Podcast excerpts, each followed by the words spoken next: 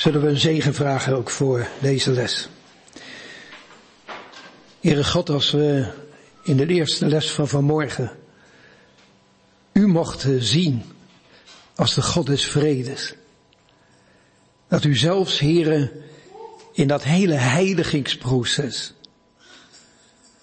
waar soms allerlei dingen kunnen gebeuren die we niet fijn vinden, wat moeite kost. Heer, dat al die moeite toch gepaard gaat en kan gaan met de vrede van u. Dank u wel, heren, dat ik dat geheim in mijn eigen leven mocht ontdekken, zelfs in de allermoeilijkste omstandigheden. Dank u wel, heren, dat u in mijn leven tijden heeft genomen om het werk me bij de handen af te breken, zodat ik niets meer overhield en mijn lege handen mocht opheffen naar u. Heer, onze handen zitten zo vaak vol. We zijn zo vaak op onszelf gericht. We bedoelen dat niet, we willen dat niet. En toch gebeurt het. Heer, als we in de tweede les meer geconfronteerd zullen worden met onszelf, wie wij zijn, geef ons dan de moed, Heer, om ook daarvoor open te zijn. Heer, als uw woord zegt dat u ons doorgrondt en kent, dan wilt u niets liever dan ons leven leiden en ons leven invullen.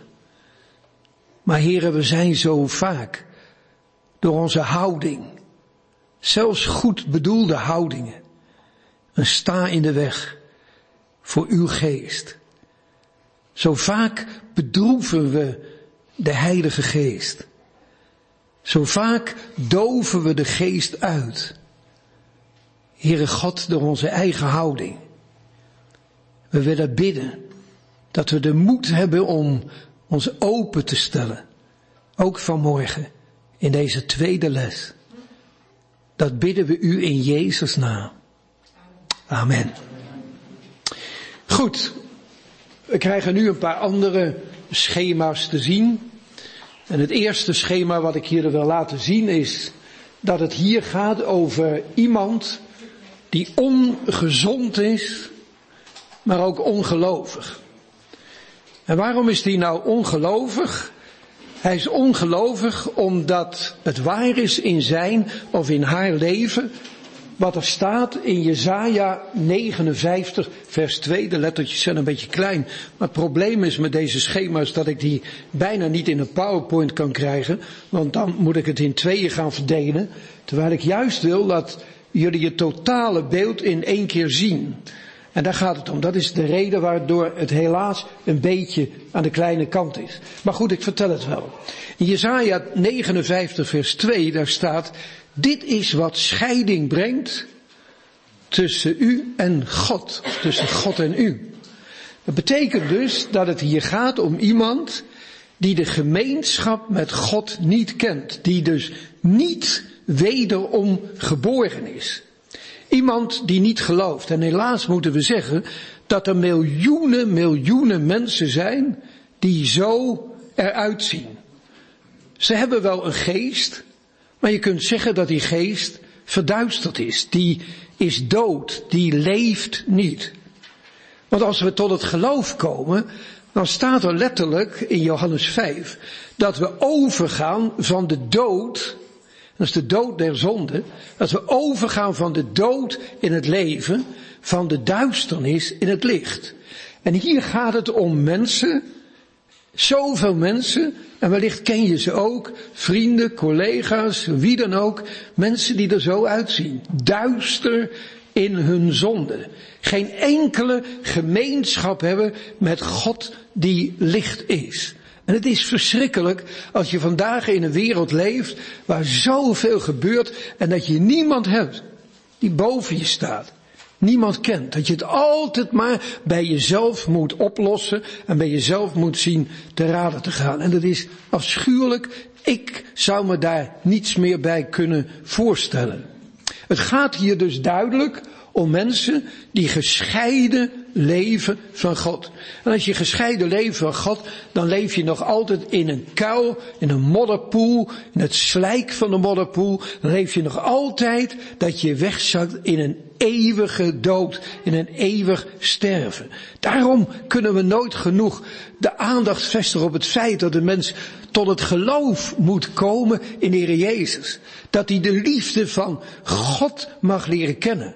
En wij zijn zo bevoorrecht dat zoals we hier zitten, dat we de liefde van God hebben leren kennen. Dat er een moment is geweest, en of dat nou een plotseling moment is of een geleidelijk uh, weg waarin je veranderd bent, waar je tot geloof bent gekomen. Je hoeft niet allemaal zo'n spectaculair getuigenis te hebben.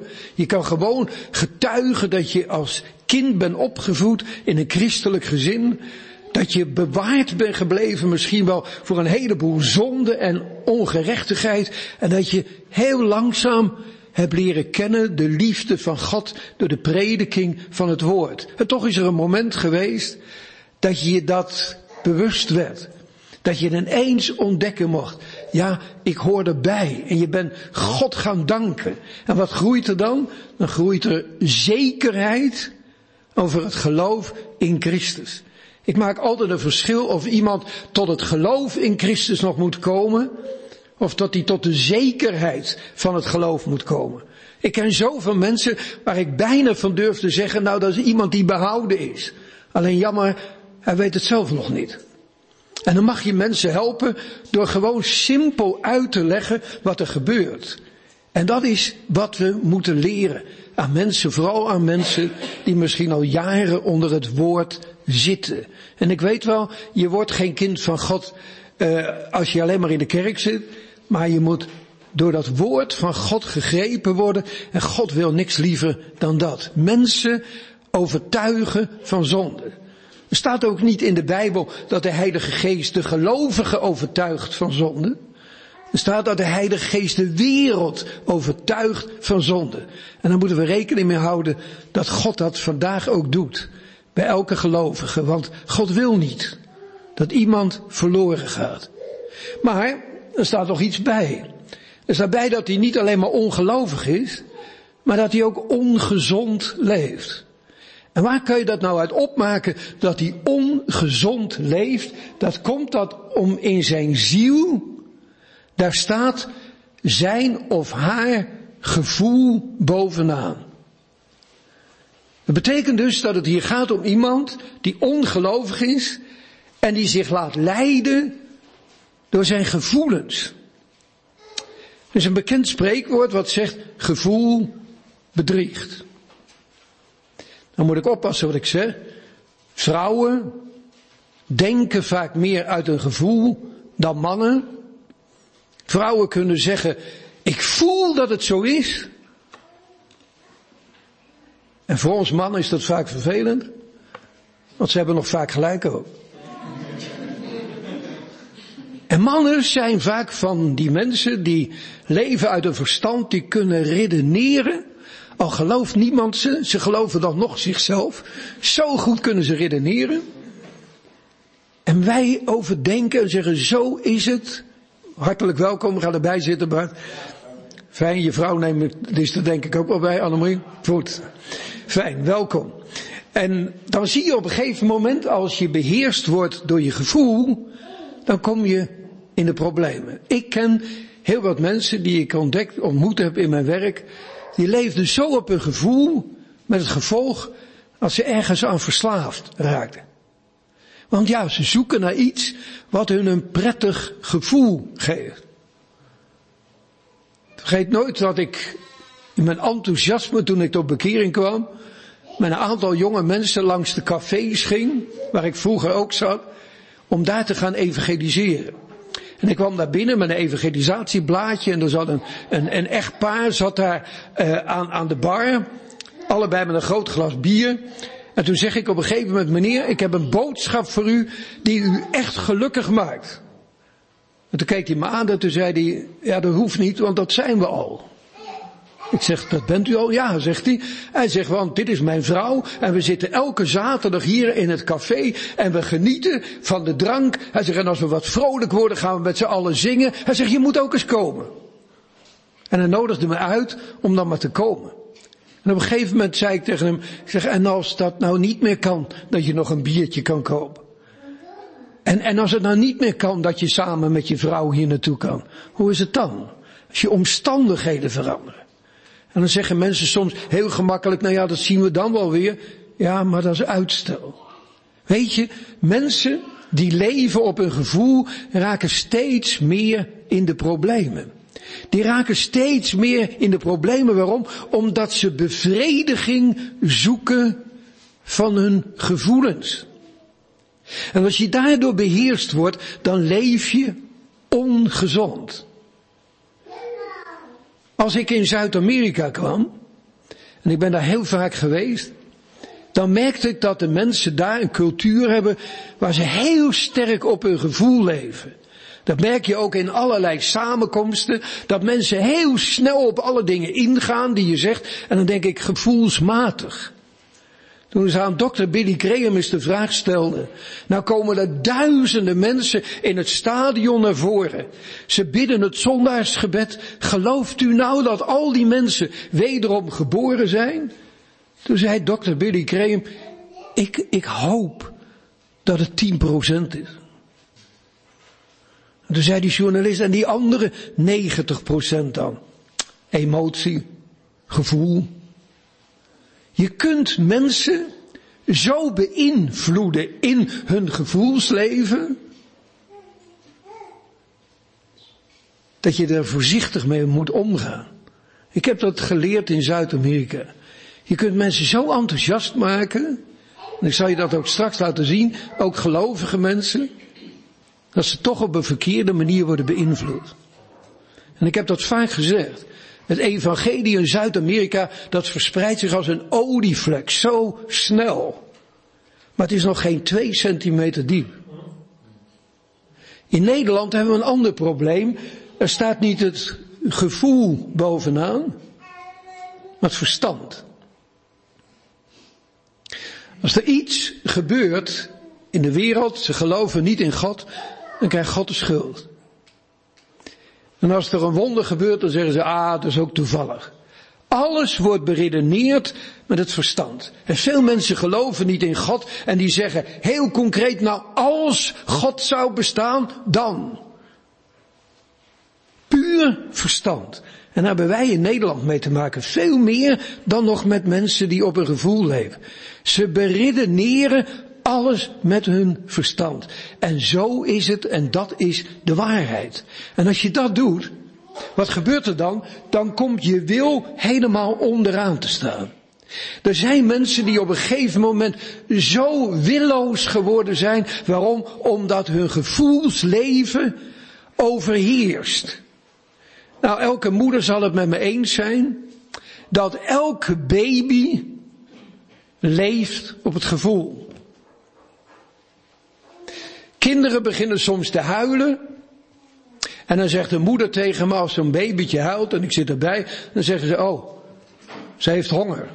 Ik zeg, hoe weet je dat nou? Dat zegt ze toch niet? Nee, maar ik hoor het.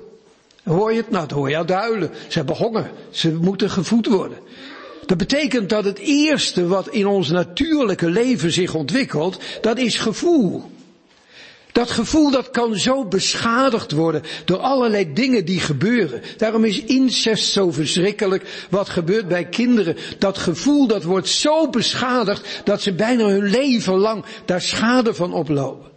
Gevoel dat moet zich ontwikkelen, maar wel onder begeleiding van. Van je gevoel ga je over naar je verstand en dan kom je in de puberteit en je moet eens aan een puur vragen wat hij wil worden. Ja, dat weet ik niet. Dus dat verstand is nog niet helemaal ontwikkeld, want ze weten het nog niet. Ze hebben nog niet voldoende onderzoek gedaan. En ze zitten nog in die fase dat het verstand zich moet ontwikkelen. Zijn ze al in de puberteit? Het verstand is het tweede wat zich ontwikkelt. En wat je moet leren, juist aan kinderen, en dat geldt ook, en daar kom ik zo op terug bij gelovigen, Dat is dat de wil zich moet ontwikkelen. Nu is het probleem, en dat maakt het een beetje moeilijk. Je mag er straks vragen over stellen. Er zit een wil in je gevoel. Er zit een wil in je verstand. En er zit een wil in je wil. En als je nou aan mensen vraagt van wat is nou jouw wil, dan zeggen ze dat wat ik voel. Wat is nou jouw wil? Dat wat ik begrijp. Maar je wil moet losgemaakt worden van je gevoel en je verstand. Wat hebben we hier dus? We hebben hier te maken met iemand die ongelovig is, maar die ook is ongezond omdat zijn psyche, zijn ziel is gekeerd. Door allerlei omstandigheden. Of door een slechte opvoeding, een slechte ontwikkeling, maar het verstand staat er wel in het midden, maar het gevoel staat erboven. Er is misvorming, heeft er plaatsgevonden. Maar het kan ook heel gemakkelijk dat er door omstandigheden een kering komt in je psychische leven. Zou je een voorbeeld noemen? Er belt een man mij op en die zegt, ik heb uw adres doorgekregen van een vriend van mij, want hij is door u begeleid, pastoraal, en hij is zo geholpen naar aanleiding van een schema wat u gebruikt. Ik zei, ja, dat klopt. Hij zei, ja, nou is het probleem. Hij zegt, ik geloof niet in God en ik wil dat ook niet. Hij zegt, maar ik ben in grote nood. Want ik ben directeur, zegt hij, van een fabriek met 80 man personeel en ik zie het leven niet meer zitten. Hij zegt, begeleid u ook ongelovige mensen? Ik zeg, natuurlijk begeleid ik ongelovige mensen. Dus ik ben van harte welkom. En hij kwam en ik liet hem dit schema zien door te zeggen van, u had zeker nooit gedacht dat u nog eens bij iemand om raad moest gaan vragen, om hulp gaan vragen, omdat u het niet meer zag zitten. En je kon er zijn hele uiterlijk zien. Hij was een persoonlijkheid, hij was ook een directeur van een groot bedrijf, hij had personeel. Nee, zegt hij, inderdaad niet. Hij zegt, dat had ik nooit gedacht van mezelf. Ik zeg, nee, ik denk dat dit het probleem is bij jou, dat je zo ver bent weggezakt, dat je alleen mag leven op je gevoel. En hij kwam tot de ontdekking dat het zo is. Hij was zwaar overspannen. En toen op een gegeven moment heb ik gezegd, dat je psyche weer omgedraaid moet worden, dat je wil bovenaan komt te staan en dat je gevoel helemaal onderop komt te staan. En toen zei hij, ja, maar hoe moet ik dat dan doen? Ik zei, nou, daar ga ik je bij helpen. En toen zei ik tegen hem, joh, ik ga je een paar opdrachten geven die je van de week moet gaan uitvoeren. Hele eenvoudige dingen. En terwijl ik er twee noemde, zei hij, oh nee, nee, dat, dat kan ik niet, dat kan ik niet. Ik zei, nee, maar dat komt omdat je leeft op je gevoel. En ik wil je nou juist stimuleren om dat wel te gaan doen. En daar doe ik mee een beroep op je wil. En toen zei hij, ja, maar ik weet niet meer wat ik wil. En ik kan ook niet meer mijn wil inzetten. Ik ben ten einde raad. En die man raakte zo in paniek. Dat ik dacht, ja, Heere God, wat moet ik nou doen? En ineens gaf God het me in. Ik heb vaak gezegd, ik hoop dat ik dat nooit meer hoef te doen. Maar ineens gaf God het me in, na een paar vertrouwelijke gesprekken, om tegen hem te zeggen, oké, dan is er nog maar één oplossing. En dan kwam er even een flinke in zijn ogen en zegt, is er dan toch nog een oplossing?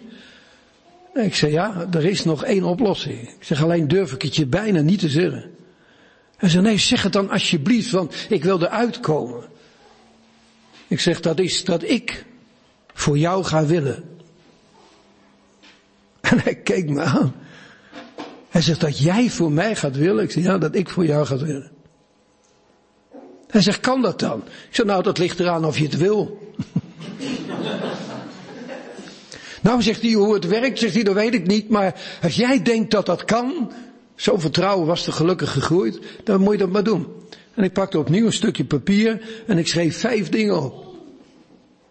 En ik zeg, ik wil dat je dat van de week gaat doen. Ja, zegt hij, dat kan ik niet. Ik zeg, daar heb ik niks mee te maken. Ik wil dat je het doet. Ja, zegt hij, maar dat kan ik niet. Ik zeg, daar heb ik niks mee te maken. Ik heb net gezegd, ik ga voor jou willen en ik wil dat jij dit gaat doen van de week. Ik heb iemand nog nooit zo ongelukkig de deur uit zien gaan. En een week later kwam hij terug. En ik was heel enthousiast. Ik zeg, en hoe is het gegaan van de week? Het was tenslotte mijn wil. Hij zegt, het ging niet. Ik zeg, wat ging niet? En ging dat hele rijtje langs, vijf dingen. Hij zei, nou, dat ging niet, en dat ging niet, en dat ging niet, en dat ging niet. En dan komt hij bij punt vijf, toen zegt hij, nou ja, dat, dat heb ik dan wel gedaan. En ik steek mijn hand uit, ik zeg, geweldig man, dat je dat gedaan hebt, dat is 20 procent.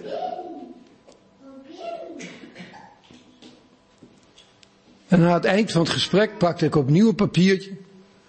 En ik schreef vier nieuwe dingen op. En van dat vijfde zei ik, nou ja, oké, dat, dat mag je doen, dat hoeft niet, maar ik wil dat je die vier dingen doet. En wat gebeurde er? Een week later komt hij terug. Ik zeg, hoe ging het? Ja, hij zegt, het ging helemaal niet.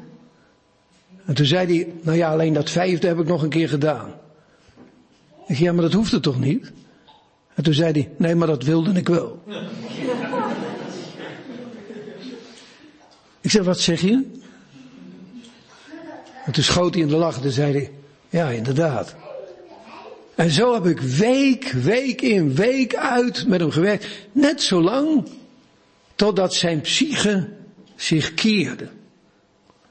En er kwam na maanden een moment dat ik zei, joh, ik denk dat je zelf al voelt dat het goed gaat met je. Ja, hij gaat goed. Ik zei, nou, ik denk dat het ook goed gaat. En dat het fijn is zoals het zich ontwikkelt. Alleen zei ik er nog iets bij. Ik zeg, ben alleen blij dat ik niet in jouw schoenen sta. Toen zegt hij, maar het gaat toch goed met me? Ik zeg, ja, het gaat echt goed met je. Maar ik ben blij dat ik niet in jouw schoenen sta. Hij zegt, waarom niet? Ik zeg, nee, dat zeg ik niet. Ja, hij zegt, maar waarom dan niet? Ik zeg, nee, dat zeg ik niet, want daar wil je niet over praten.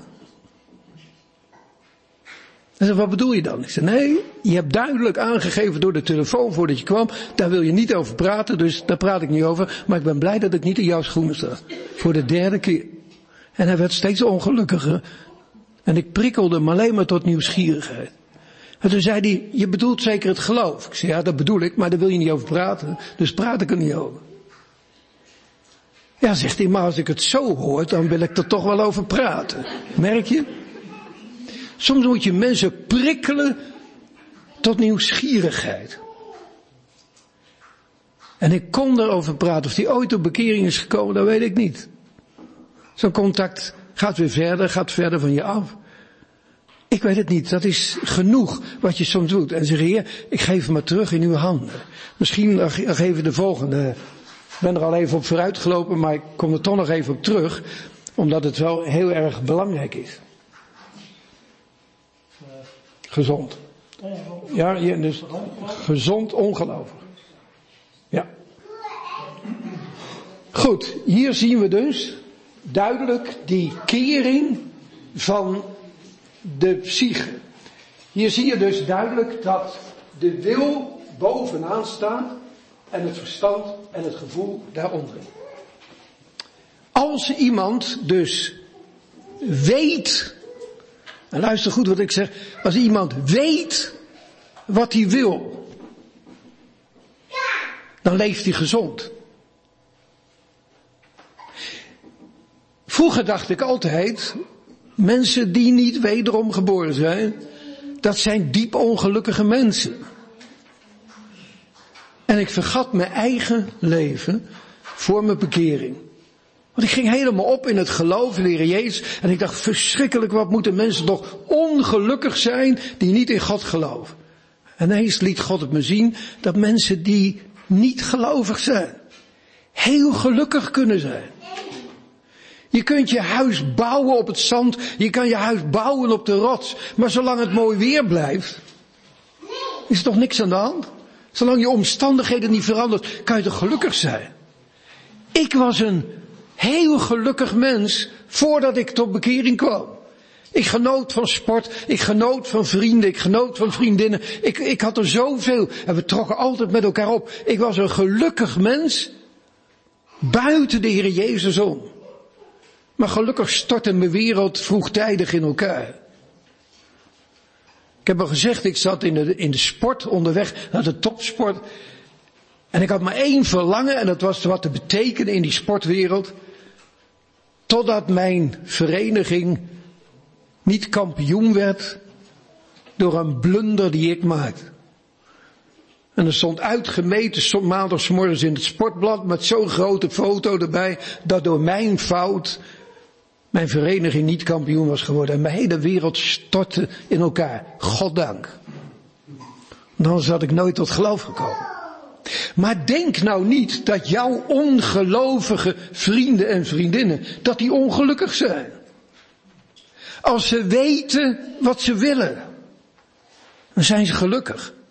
Alleen het probleem is, hun geluk is en blijft gebonden aan de omstandigheden waarin ze verkeren. Dat is het probleem. De omstandigheden bepalen of iemand gelukkig is of niet. Voor een kind van God geldt dat niet. Maar daar komen we zo bij het volgende schema wel. Dat betekent dus dat je die fout niet moet maken en denken mijn vriendinnen geloven niet, die moeten wel ongelukkig zijn. Die moeten nodig eens mee naar hart krijgen. Nou dat laatste is wel waar. Je moet ze wel meenemen zodat ze de Heer Jezus leren kennen. Maar je moet niet denken dat ze ongelukkig zijn. Moet je ook niet laten merken. Maar laat vooral zien dat het gebonden is aan omstandigheden. Nu wat is nou de zegen als je wil bovenaan staat?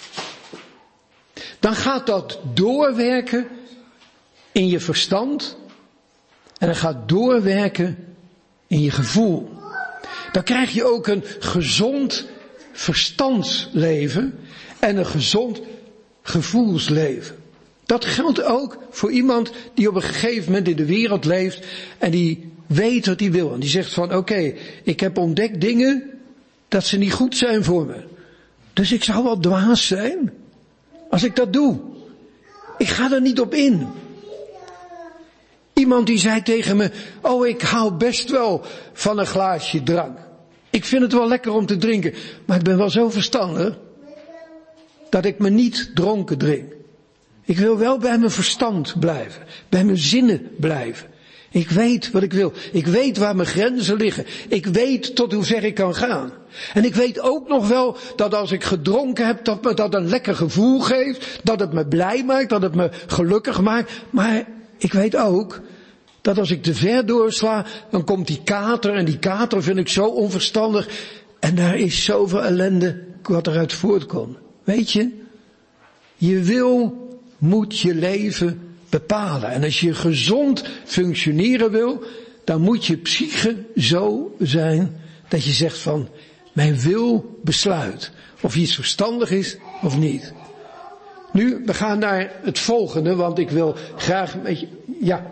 Uh, psyche, dat is hetzelfde als ziel. Ja, je psyche is hetzelfde als je ziel. Alleen, wat je nu hier merkt, als zo iemand bij de psychiater komt, of als die bij mij komt, dan help ik hem alleen maar in zijn ziel. Ik kan hem niet helpen in zijn geest, want die is dood, die is gescheiden van God. En als hij ook zegt van ik wil niks van God weten, ja, dan, dan kan ik daar ook niet over praten.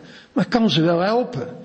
Ik kan ze wel laten zien. Als je wil weer bovenaan komt, ja doe het maar even. Als je wil weer bovenaan komt, zoals bij die man waar ik van vertelde, die directeur van een groot bedrijf, die kon na een half jaar weer dat hele bedrijf runnen.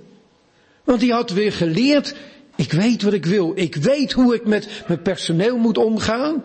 Ik heb me veel te veel laten leiden door onverstandige dingen, waardoor ik in de ellende terecht ben gekomen. Dat overkomt me niet meer. Elke keer moest hij er wel een besluit over nemen. Wat wil ik nou eigenlijk? Nu, we gaan nu kijken naar de ongezond. Ja, sorry. Ja. Maar je kan ook iets willen waarvan je eigenlijk weet dat het niet goed is? Je kan niet? Je kan ook iets willen wat, wat je eigenlijk weet dat het ook niet goed is? Jawel, en dan moet je het niet doen. Nee, oké.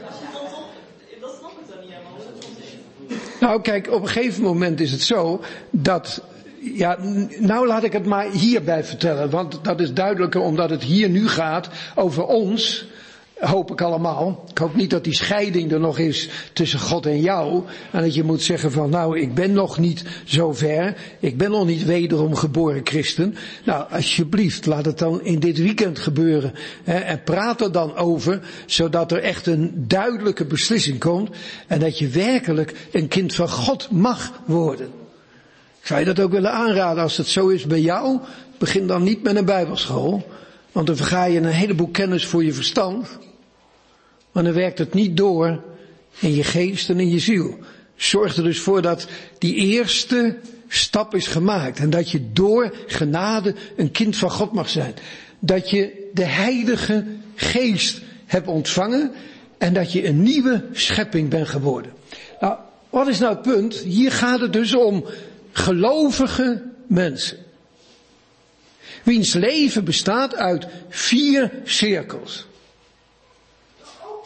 Dat betekent dus dat God in jouw leven is binnengekomen in je geest, in je ziel, in je lichaam. Maar hij leeft ongezond. En waarom leeft iemand hier ongezond? Omdat hij leeft op zijn gevoel. Of op zijn verstand. En wat gebeurt er nou? God zoekt altijd aansluiting bij onze wil. En God zoekt geen aansluiting bij ons verstand. Dat betekent dat God geblokkeerd wordt. Dat zijn geest geblokkeerd wordt in onze ziel. Als ik zo iemand in het pastoraat krijg, die zo in de problemen is dat er soms een burn-out is, dat ze overspannen zijn, omdat hun gevoelens beheerst. Weet je wat dan het eerste is wat ik zeg? Eerste wat ik zeg tegen zulke mensen is, nou, gelukkig mankeer je niks aan je geest. En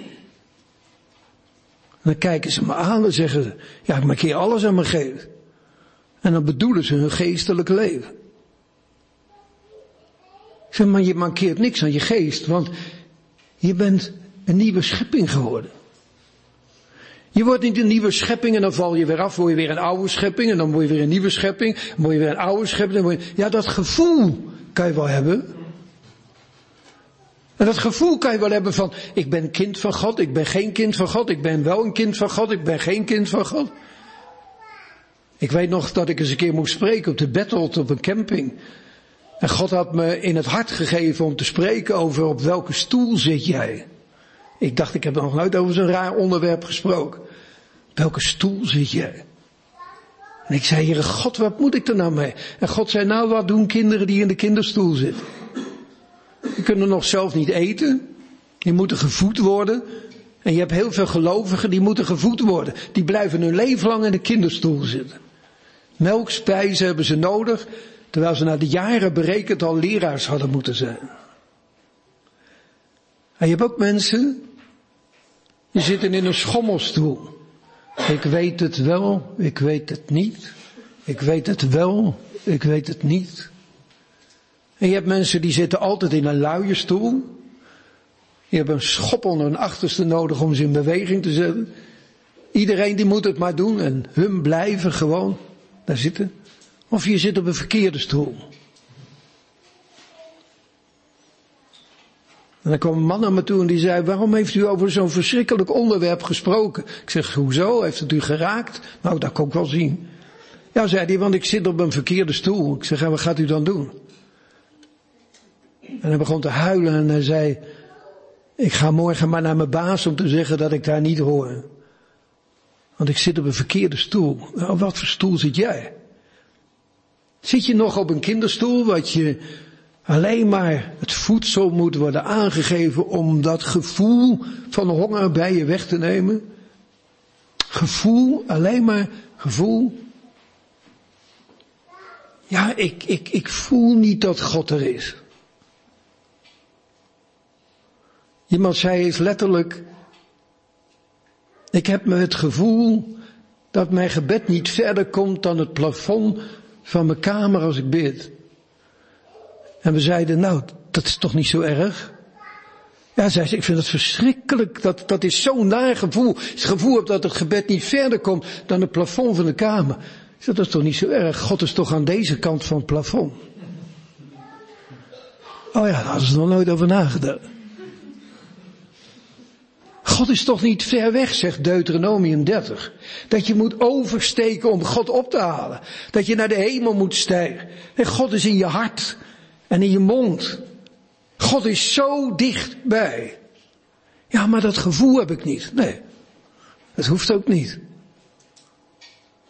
Hoeveel mensen twijfelen niet in hun geloof? Alleen maar omdat ze gevoelig zijn. Ik, ik, ik vind het soms prachtig als je in diensten zondags morgens in de gemeente komt.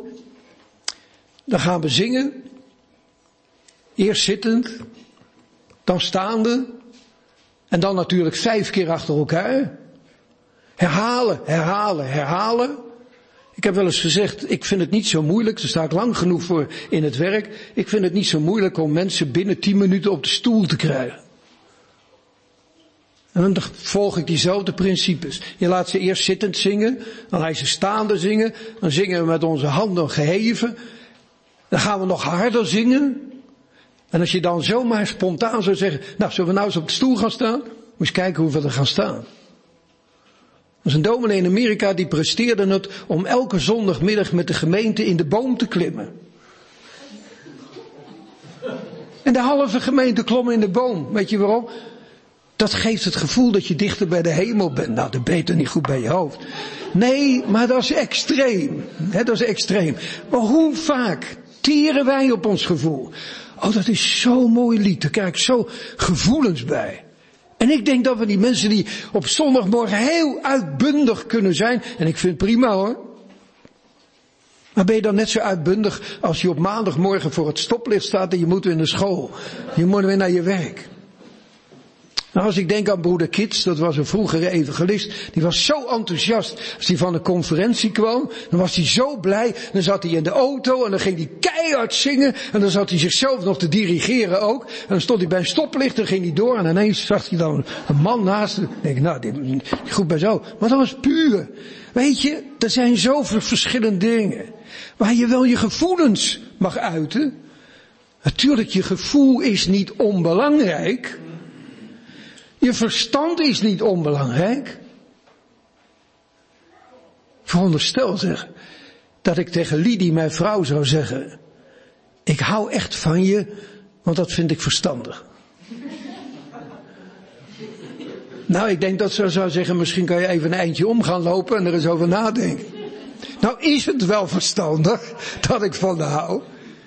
Maar het heeft toch alles te maken met je gevoel.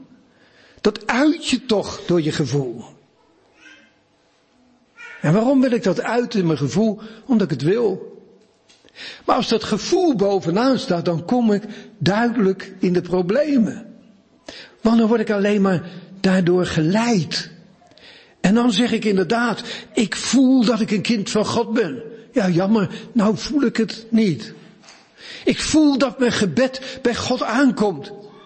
En dan voel ik er weer helemaal niks van.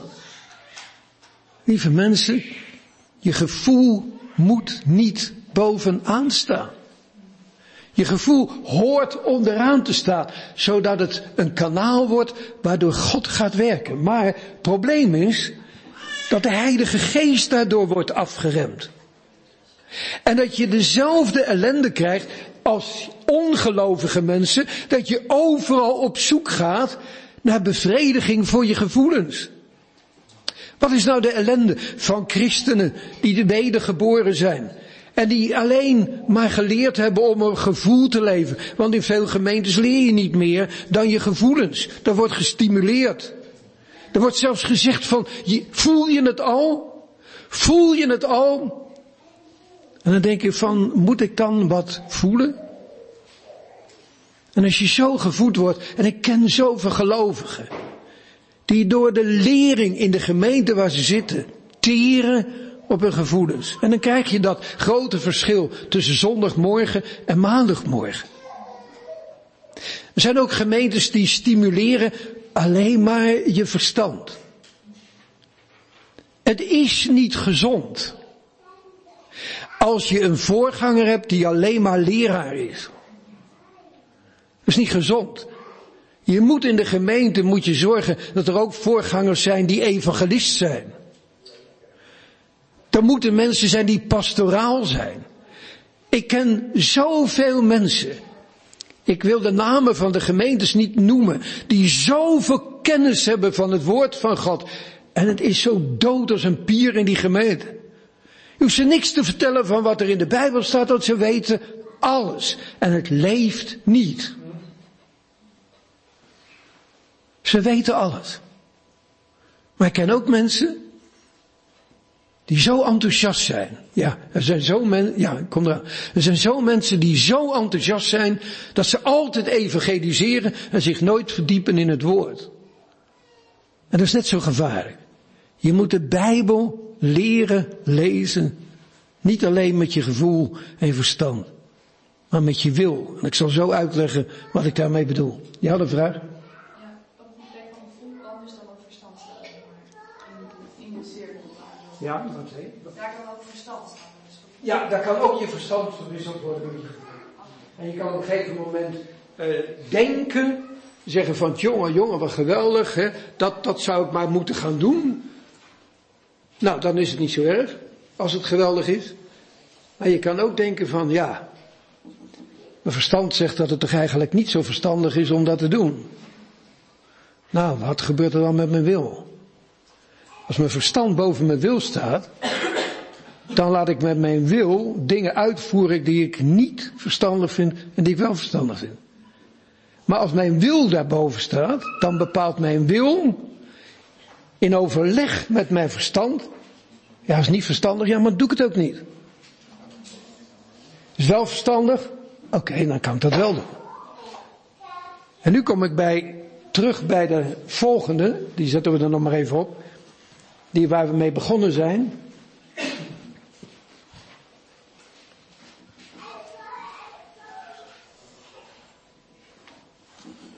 Nou, ik heb gezegd, dit moet het gaan worden in je leven. En nu gaan we een paar dingen daarvan wat dieper uitwerken. Hier gaat het over iemand die dus gezond leeft en ook gelovig is. Het is zo'n geweldige zegen als je in een nieuwe schepping wordt. Als God in je leven komt door de Heilige Geest. Dat is geweldig. Ja, maar niet gemakkelijk. Want wat zie je nou? In jouw geest en in mijn geest, daarom hebben we die cirkels in elkaar laten overlopen. Om op een gegeven moment te zien wat zich afspeelt in jouw geest. En dat is dat er twee willen zijn. Gods wil en mijn wil. En wat doet God? God sluit altijd aan bij onze wil. En hij zegt, wie wil, die mag komen. Hij zegt tegen de zieke, wilt gij genezen worden? En het doet een beroep op zijn wil. Met de vraag van, geloof je dat ik je kan genezen? Maar het heeft ook te maken met gehoorzaamheid. Mijn wil moet onderworpen, daarom staat hij er ook onder. Mijn wil moet onderworpen worden aan de wil van God. En we hebben geen mooier voorbeeld dan de zoon van God, die zoon des mensen werd. En die zegt, ik ben niet gekomen om mijn wil te doen, maar ik ben gekomen om de wil te doen van mijn vader die mij gezond heeft. Hij biedt het wel, vader, als het mogelijk is dat deze beker voorbij kan gaan, oh, laat het dan voorbij gaan. Eigenlijk was het zo zwaar dat de Heer Jezus Christus zegt, ja, als ik zou mogen kiezen, koos ik niet voor die drinkbeker. Maar niet mijn wil, maar uw wil geschieden. Dat betekent dus dat er een weg van gehoorzaamheid geleerd moet worden. Nou, je weet, de apostel Paulus heeft een bediening gehad waardoor heel veel mensen tot het geloof in Christus zijn gekomen. Maar wat zegt hij in Romeinen 1 vers 5? Dat hij ook gekomen is om mensen te leren de weg van gehoorzaamheid. Als ik aan ouders de vraag zou stellen van kinderen. Nou wees nou eens eerlijk. Wat vond je nou makkelijker? Om een kind ter wereld te brengen? De bevalling? Of om een kind op te voeden? Nou, dan weet ik het antwoord wel. Ik ken moeders die zeggen, ik heb dat jong van mij het al honderd keer gezegd. Maar ik kan wel weer opnieuw beginnen. Opvoeden van kinderen is zo'n ongelooflijke moeilijke taak. Is nog veel moeilijker dan de bevalling die je hebt gehad, hoe zwaar dat ook is geweest. Misschien zeg je, jongen, jongen, wat een, wat een verschrikkelijke boodschap. Ik begin pas, hè. Zie er een moeder zitten lachen. Zeggen, nou, dan waren we net zo blij. En nou dat. Ja, het komt er toch aan. Ga maar bij jezelf te raden hoe jij was. Nou, jongen, jongen, heb ik altijd gedaan wat mijn ouders wilden? Nee, verre van dat. Ja, maar ze had het al zo vaak gezegd. Ja, of ze het nou vaak gezegd had of niet. Je ging toch je eigen wil. Dat is geestelijk precies hetzelfde. Wat ik moet leren met vallen en opstaan, dat is elke keer dat ik moet weten, maar de wil van God, die staat bovenaan in mijn leven. En mijn wil moet daaraan onderworpen zijn. En wat gebeurt er nou als God niet kan aansluiten met mijn wil? En me niet bereid maakt om me te buigen onder de wil van God? Ja, dan werkt het niet. Dan werkt God niet door. Maar als het hier gaat om iemand die gezond functioneert, die zegt ik wil maar één ding. En dat is om mij te onderwerpen aan de wil van God. Wat is daarvoor nodig? Nou, hier staat het. Niet ik. Maar Christus leeft in mij. En je weet dat de I van ons ik, dat is een rechtopstaande letter. En we willen altijd we worden zelfs gestimuleerd door andere mensen om onszelf recht overeind te houden. En voor jezelf op te komen. Dat is een motief in onze maatschappij. Je moet voor jezelf opkomen, want niemand anders doet het voor je. En we houden de i van ons eigen ik recht overeind. En wat zegt God nu? Die i van jou, die moet zich leren buigen. En als die buigt, dan wordt het een C. De C van Christus. En als die niet buigt, dan wordt het toch een C. Alleen C, de C van crisis. Ik beslis, kijk het maar na in het Nederlands woordenboek, ik beslis staat voor het woord crisis. En als wij voor onszelf beslissen, dan komen we in een crisis. En die crisis speelt zich af tussen God en mij. Daarin komt er storing in mijn relatie. En die herstelt zich pas als Gods wil weer gaat doorwerken in mijn leven. Nu, wat gebeurt er nu? Ja.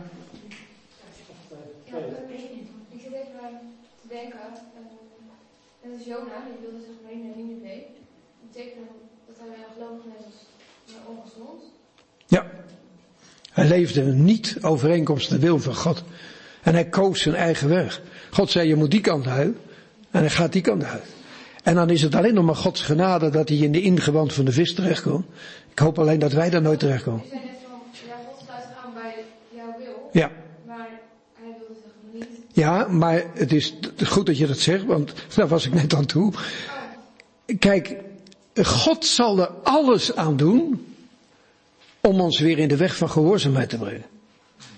God zal ons overtuigen en zeggen, waar ben je nou mee bezig? Dan zit je daar in de ingewand van de vis. Je bent afgesloten van alles. Wees dan maar dankbaar dat ik je nog heb laten opvangen door die vis, want dan zat je er helemaal niet meer geweest. Maar hij zit daar. En God laat hem zien dat het geen enkele zin heeft ja, dat ziet hij pas later. En soms duurt het jaren voordat mensen zich laten overtuigen. Waarom? Omdat ze hun eigen wil dan laten doorvoeren. In ongehoorzaamheid hun weg gaan. En God laat je soms gewoon gaan. Totdat hij je weer gaat overtuigen van zonde. En zeggen, waar, waar ben je nou mee bezig? Kan ze weer terug bij komen? Ja, Wat zei je? Een stukje terug kan Ja. Jawel, maar als God gaat werken, dan komt dat verlangen weer naar de relatie met God. En dan ga je terug in de gemeenschap met God. Kijk, daarom zeg ik ook, als je eenmaal je leven aan God heeft gegeven, laat hij het ook nooit meer los. Zondig ik dan? Ja, ik zondig. En God gaat er alles aan doen om die verstoorde relatie, dus niet een verbroken relatie, maar een verstoorde relatie, te herstellen. Dus God, maar God doet daar steeds weer mee een beroep op je wil. Wil je het, wil je het niet? Oké, wil je het nog niet? Nou, dan laat God je soms naar je gevoel een tijdje los. Alleen God laat je nooit los. Maar je gevoel geeft het zo. Nou, dat is de overtuiging van de geest van God, dat je terug moet komen. Nu, dan krijg je het verstand. God werkt door onze wil, ook naar ons verstand en ook naar ons gevoel. Maar je wil beslist. En nu de opmerking, die velen soms heel moeilijk vinden. Maar je kunt iets willen buiten je verstand om. En hoe werkt dat? Dat werkt als volgt. Als ik dingen meemaak in mijn leven, en dat, dat zullen jullie ook mee gaan maken, dan moet je zeggen, ik begrijp er helemaal niks van. En toch zijn er dingen die om een antwoord vragen. Waar je een beslissing over moet nemen en waarvan je moet zeggen, maar Heere God, ik, ik begrijp er helemaal niks van. Wat moet ik nou doen? Nou, wat een ongelovige niet kan. Een ongelovige kan alleen maar met zijn wil overleggen, met zijn verstand naar beneden overleggen. Maar wij kunnen met onze wil overleggen naar boven. En als ik iets met mijn verstand niet begrijp, waar toch een beslissing over genomen moet worden, dan heb ik de mogelijkheid om met mijn wil te overleggen en zeggen, heer, maar wat is nou uw wil? Wat is nou uw wil dat ik in deze moet doen? Ik weet het niet. Mag ik het zo zeggen, mijn verstand staat erbij stil. Ik weet het niet. Maar heer, wat is nou uw wil dat ik doen moet? En je mag er zeker van zijn. Dat God je dat laat zien als je je wil onderwerpt aan de wil van God. En als je het nou niet weet, dan moet je het ook niet doen. Ik ben zo eigenwijs dat als ik het niet voor 100% weet wat ik moet doen, dan doe ik het niet. Ja, soms duurt het dan heel lang en blijven dingen liggen. Maar als ik het niet voor 100% weet, dan doe ik het niet. En waarom heb ik dat besluit voor mezelf genomen? In Psalm 62 staat, God heeft één keer gesproken. Ik heb het twee keer gehoord. Met andere woorden, als God spreekt, dan is het zo duidelijk dat ik het zelfs twee keer hoor.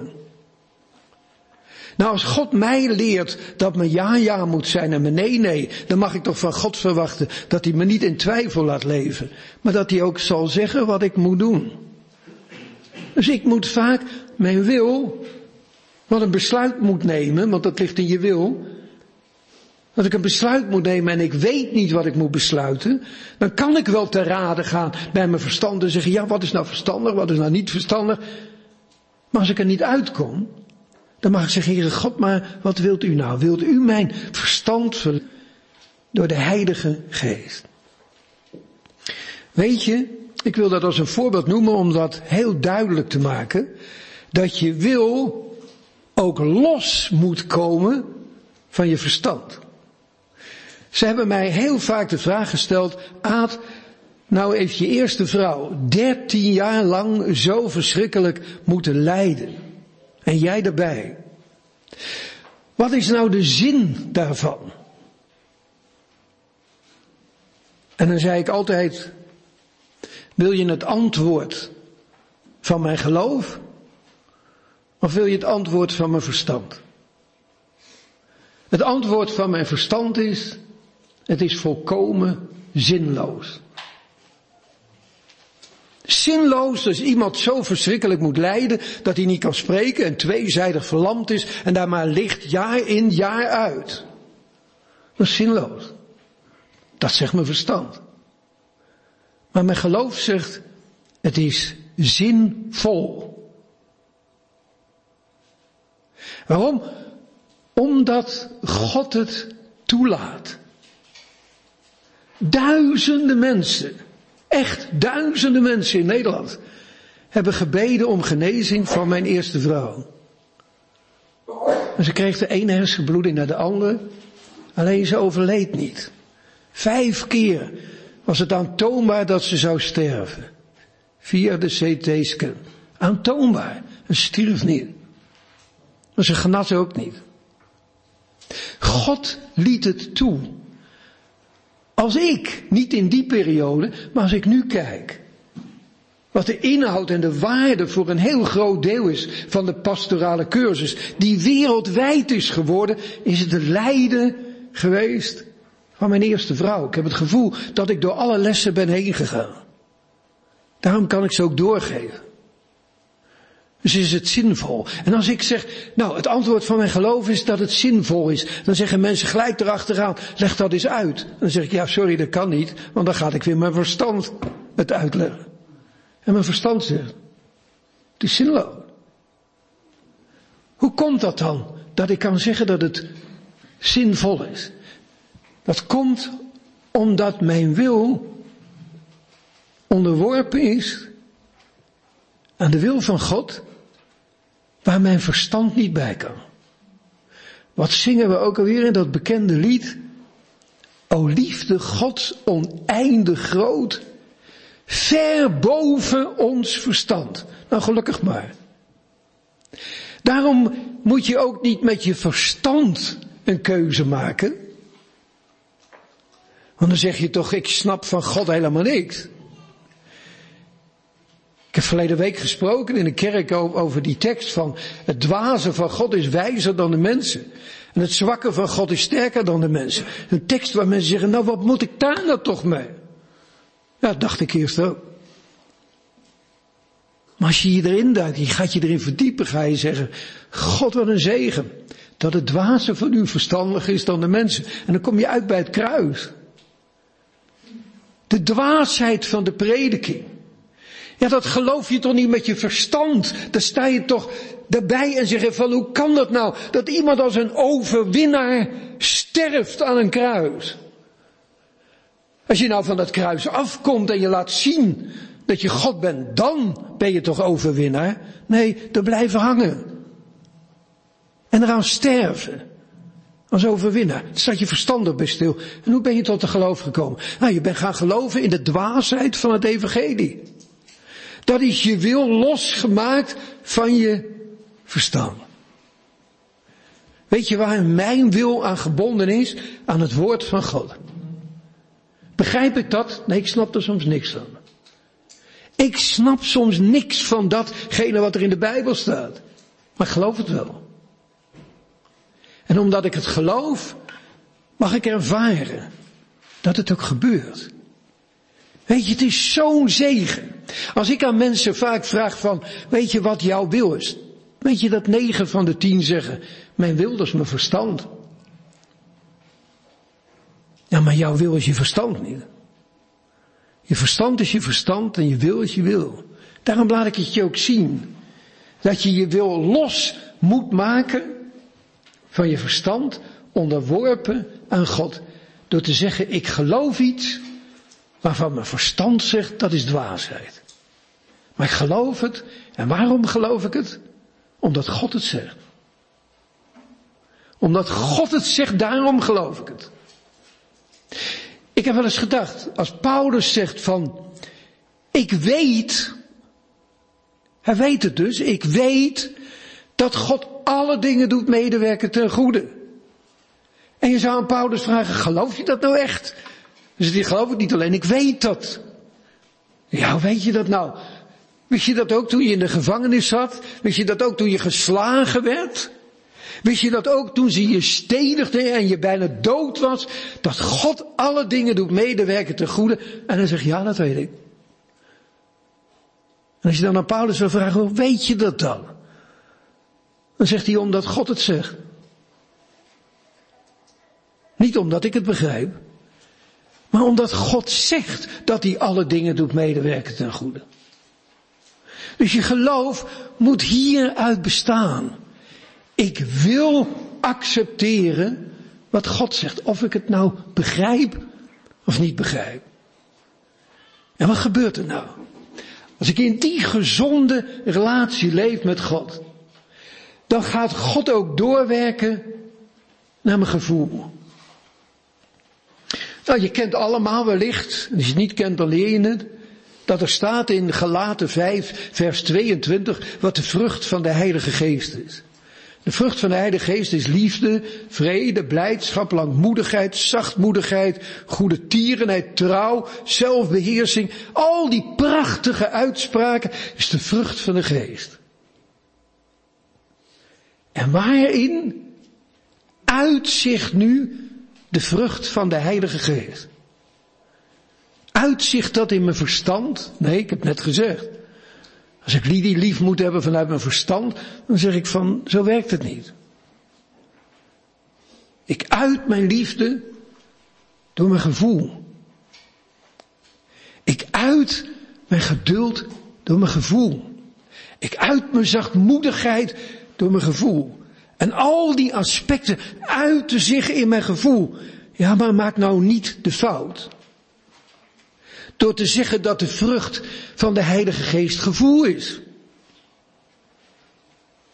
Merk je het verschil? De vrucht van de Heilige Geest is de vrucht van de Heilige Geest. En die uit zich in je gevoelsleven. Daarom is dat gevoel zo'n prachtig kanaal waardoor de Heilige Geest gaat werken.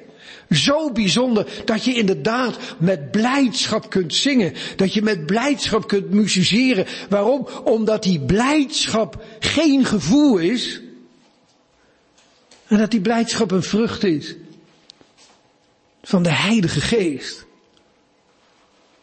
Ik ben zo bijzonder rijk. Als ik kan zeggen. Dat ik innerlijk een blijdschap kan hebben. Die zich vooral uit in vrede, in rust. Terwijl ik misschien uiterlijk in een weg van lijden zit.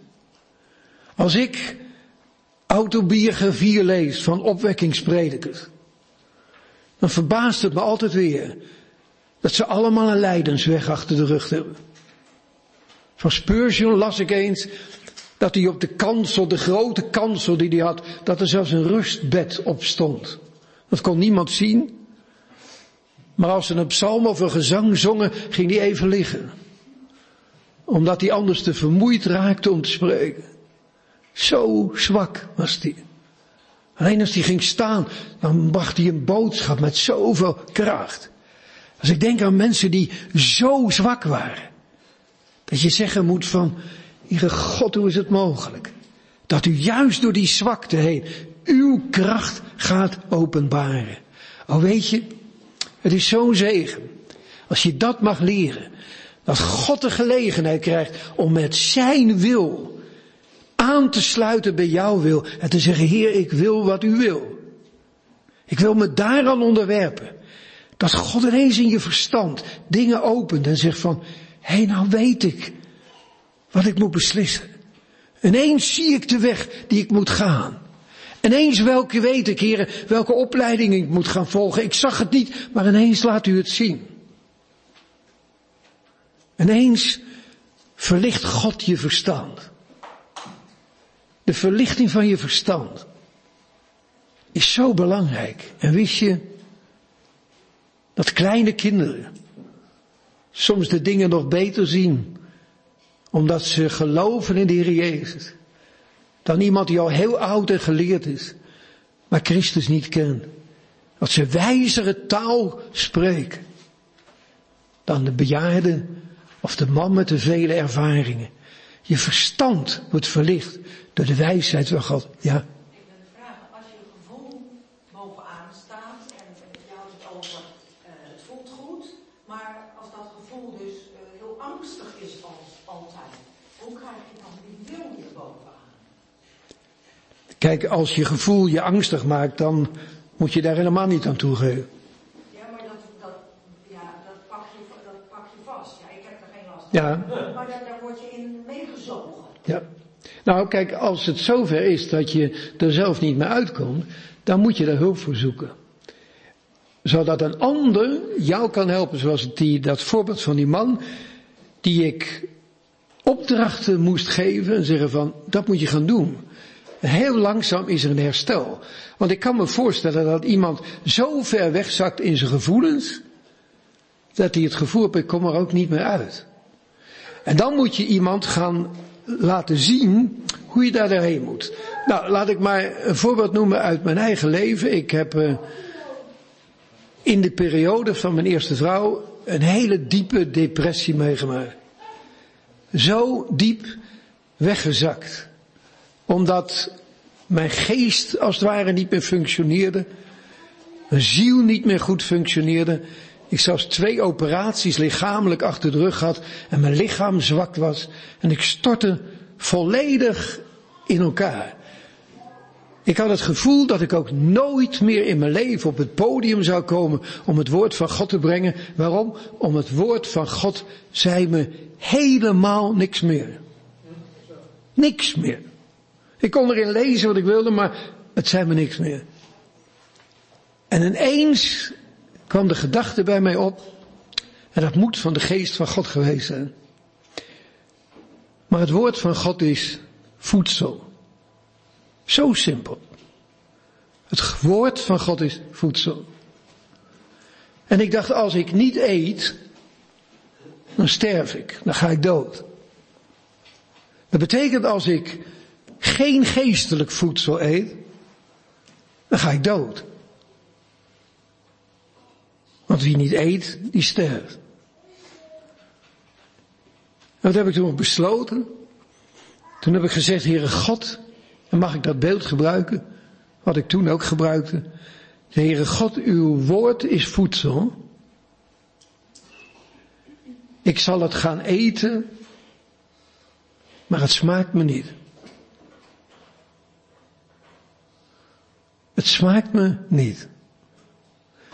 En ik weet niet of je dat wel eens ervaren hebt dat je eten moet eten wat je niet smaakt. Nou, ik heb veel in het buitenland moeten eten.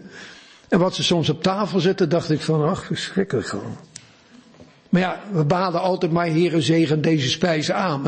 En dan deden we onze ogen soms dicht. Als er maar een groot glas water naast stond, dan kon je het een beetje wegslikken. Dan smaakte je niet. Nou, het woord van God, dat smaakte me niet. Maar elke dag las ik een stukje uit de Bijbel. Elke dag probeerde ik het voedsel tot me te nemen. Ik heb vaak gedacht, jongen, jongen, je zal 40 jaar in de woestijn manna moeten eten.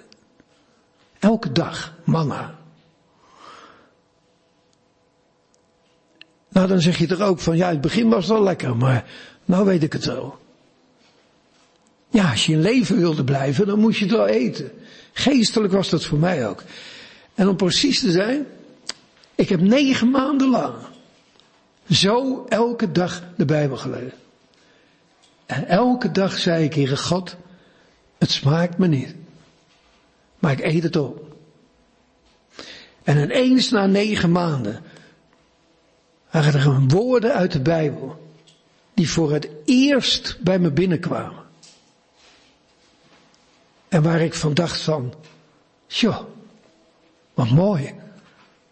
Wat lekker is dat. En vanaf dat moment begon ik weer te smaken en te proeven hoe God goed is. En ik ging het lezen in het woord van God. En vanaf het moment dat ik het ging eten en tot me nou, begon het me weer te smaken. Omdat God er smaak aan gaf. En ik werd erdoor gesterkt. En heel langzaam kreeg ik weer zoveel interesse en kwam ik terug vanuit zo'n diep dal, waar ik het leven niet meer zag zitten.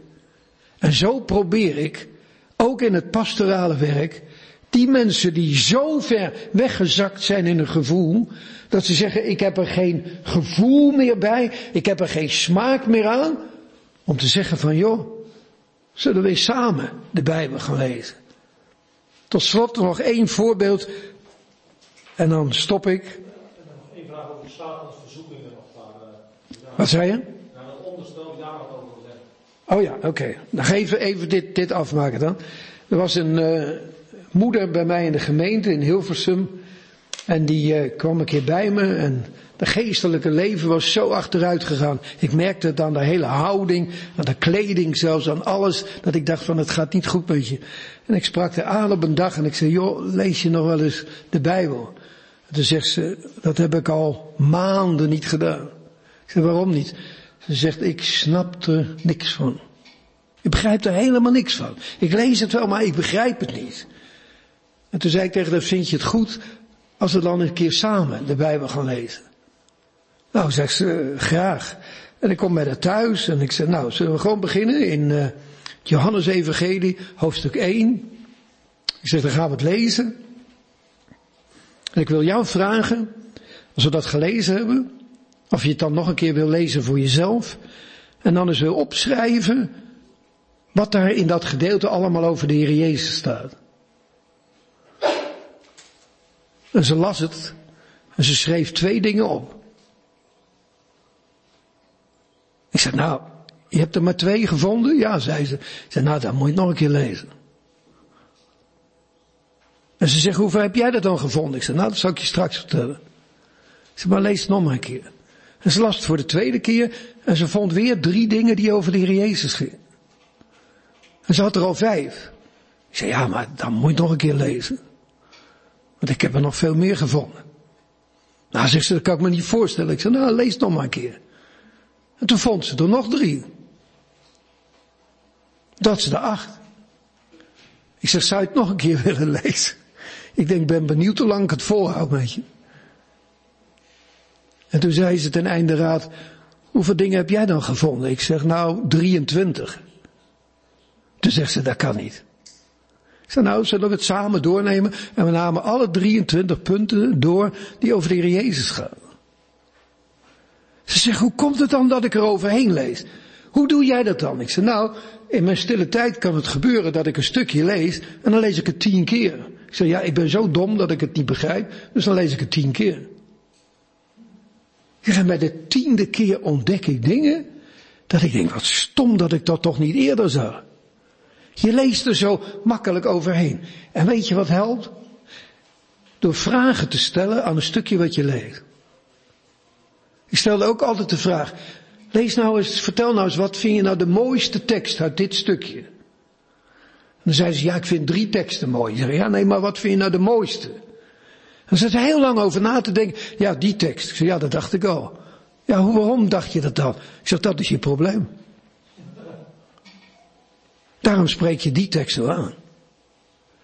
Weet je, je moet soms de Bijbel leren lezen. En als je dat doet op die manier, wat gebeurt er dan? Bij de vraag, wat staat er over de Heer Jezus? Dan wordt de Heer Jezus zo groot voor je, dat je zegt van, Heer, dat ik u toch mag kennen. Dan wordt het steeds rijker. Goed, de vraag is even naar het onderste. Gods beproeving en Gods verzoeking. Heb ik nog een uurtje? Satans verzoeking en Gods beproevingen. God beproeft altijd van boven naar beneden. Satan verzoekt altijd van onderen naar boven. Dat moet je onthouden. Als God nu beproeft van boven naar beneden, waar loopt, sorry dat ik het zo zeg, waar loopt God dan het eerst tegenaan? Tegen mijn wil. Want ik wil gezond christenen. Loopt God tegen mijn wil aan. En God gaat mij beproeven. En wat is het doel van Gods beproeving? Dat ik in volkomen afhankelijkheid blijf leven van Hem. Weet je wat bijvoorbeeld een beproeving kan zijn in je leven? Als je in het werk van de Heere God fulltime werkt. Dat er aan het eind van de maand helemaal geen geld is binnengekomen. En dat je hoort, ja, we kunnen de salarissen niet uitbetalen. Ik werk mijn leven lang al in een geloofswerk, dus ik weet er alles van. Ik heb nog nooit geweten aan het eind van de maand of mijn geld er is. Alleen zeg ik er wel bij, ik ben nog nooit één cent tekort gekomen. Maar ik ben er wel in beproefd. En ben leef ik dan zo in de afhankelijkheid van God door te zeggen van, Heere God, maar U zorgt, dat geloof ik. U zegt een arbeider is zijn loon waard, daar hou ik me aan vast. Wat ik moet doen is arbeiden en u zorgt wel voor het loon. Wanneer het komt, dat weet ik niet, maar ik weet dat het komt. Soms kreeg ik de volgende dag een telefoontje, er is een hele grote gift binnengekomen, we kunnen de salarissen weer uitbetalen. En dat ging dan over twaalf fulltime werkers. Durf ik God te vertrouwen? Nou, God beproeft je soms. Ik word zo vaak beproefd als ik ergens moet spreken. Waarom? Ik wend er nooit aan. Als ik op de stoel zit voordat ik moet spreken, denk ik altijd van, jongen, jongen, was het maar vast weer klaar. Waarom? Omdat je altijd zwak bent. En God houdt je zwak. God houdt je afhankelijk. Je wendt er nooit aan. Lekkere bemoediging, hè? Je wendt er nooit aan. Maar één ding leer je. Ik heb geen genade nodig om te spreken zolang ik daar zit. Ik heb pas genade nodig om te gaan spreken als ik hier ga staan. En ik weet één ding, als ik hier ga staan krijg ik genade. Dat krijg ik niet zolang ik daar zit, maar dan heb ik het ook niet nodig. Je krijgt genade op het moment dat je het nodig hebt. Maar God beproeft je. En waarom beproeft je God je? Ik zeg het nog een keer. Om je in afhankelijkheid te houden van Hem. Zodat je op Hem blijft vertrouwen. Waarom verzoekt Satan? Om ons onafhankelijk te maken van God. Dat is zijn doel. Om je los te maken. En waar sluit hij nou het eerste bij aan bij gezonde christenen? Bij je gevoel. En wat zegt hij dan? Waar is nou je God? Voel je wel dat hij er is? Nee, voel er niks aan. Als hij nou zou vragen, weet je dat hij er is? Ja, ik weet dat hij er is. Maar voel ik het? Nee, ik voel dat niet. En Satan sluit altijd aan bij je gevoel. Wist je dat in de hele moderne uh, situaties zoals yoga, sensitivity trainingen, al die trainingen die we vandaag hebben, is er allemaal op één ding gericht. Op het gevoel. Daar komt Satan altijd binnen. En weet je, hij is zo listig dat hij zegt, maar dat geeft je toch een lekker gevoel? Om zo ontspannen de oefeningen te doen van yoga en allerlei trainingen. Dat is toch goed als je er een goed gevoel bij hebt. Wat zegt hij dan? Dan zegt hij, nou dan is het toch een verstandig. Dat is toch verstandig als het je een goed gevoel geeft. En als je zegt van ja, eigenlijk is dat wel verstandig. Dan zegt hij, nou neem er dan een besluit over dat je die cursus gaat doen. En hij pakt je altijd bij je wil. En als hij jouw wil en mijn wil kan pakken en hij kan het naar beneden trekken, dan maakt hij ons ongehoorzaam aan de wil van God. En nu het probleem. En ik heb er jaren geleden een keer een hele studie van gemaakt.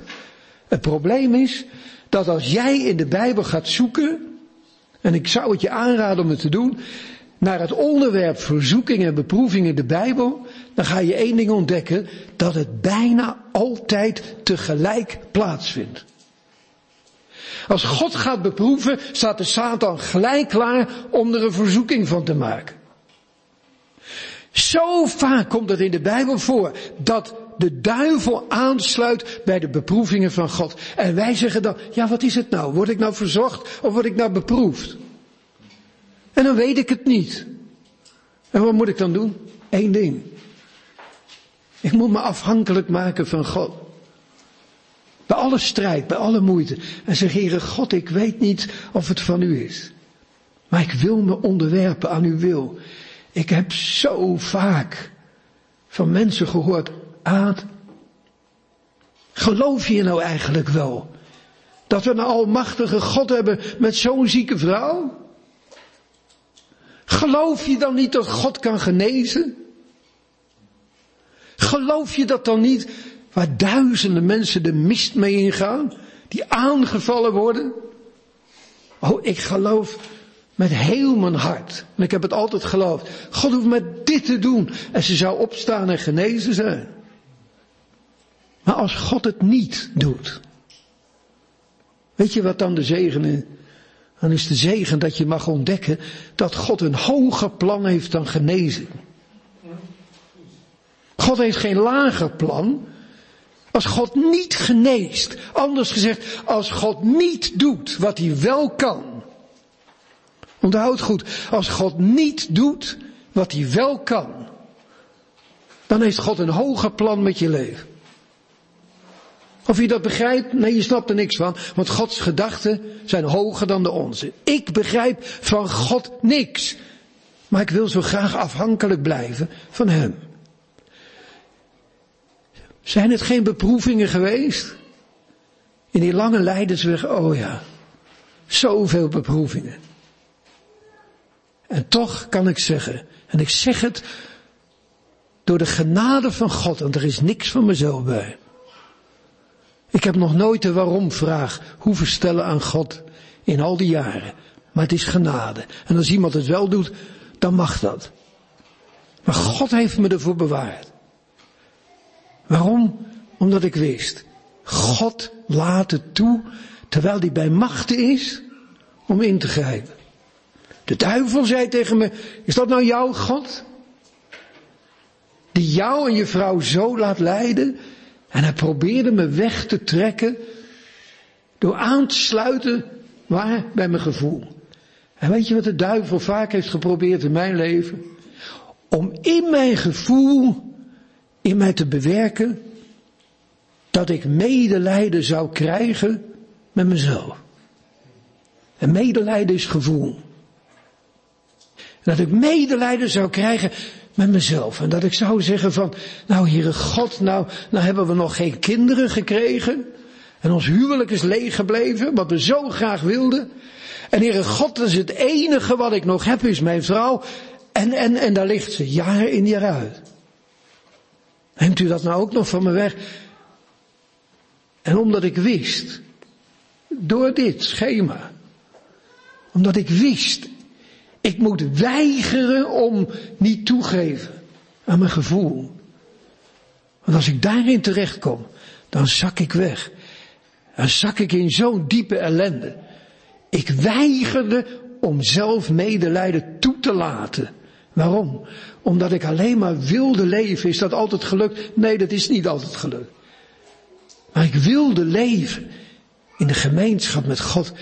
Ik heb dagen huilend langs het strand in Katwijk gelopen. Daar liggen emmers tranen van alle verdriet, van alle moeite, van alle pijn. Maar ik had behoefte om naar God uit te huilen, om naar God uit te roepen, om naar God te gaan met al mijn verdriet en met al mijn noden, liever dan toe te geven aan zelfmedelijden, waar de duivel altijd op uit is. Het is heel moeilijk, ik weet het, om het verschil te leren kennen tussen beproeving en verzoeking. Als je maar één ding onthoudt. Wat is het doel van het een? En wat is het doel van het ander? En als jij merkt, ik word getrokken door mijn gevoel. Naar dingen die ik eigenlijk niet wil, maar ik word getrokken door mijn gevoel. Wees dan gewaarschuwd. Want de duivel is bezig om je weg te trekken uit de gemeenschap met God. En als je zegt, ik kom er alleen niet meer uit, zoek alsjeblieft hulp bij mensen die je daarbij kunnen helpen. Ah ja, wil jij met ons danken?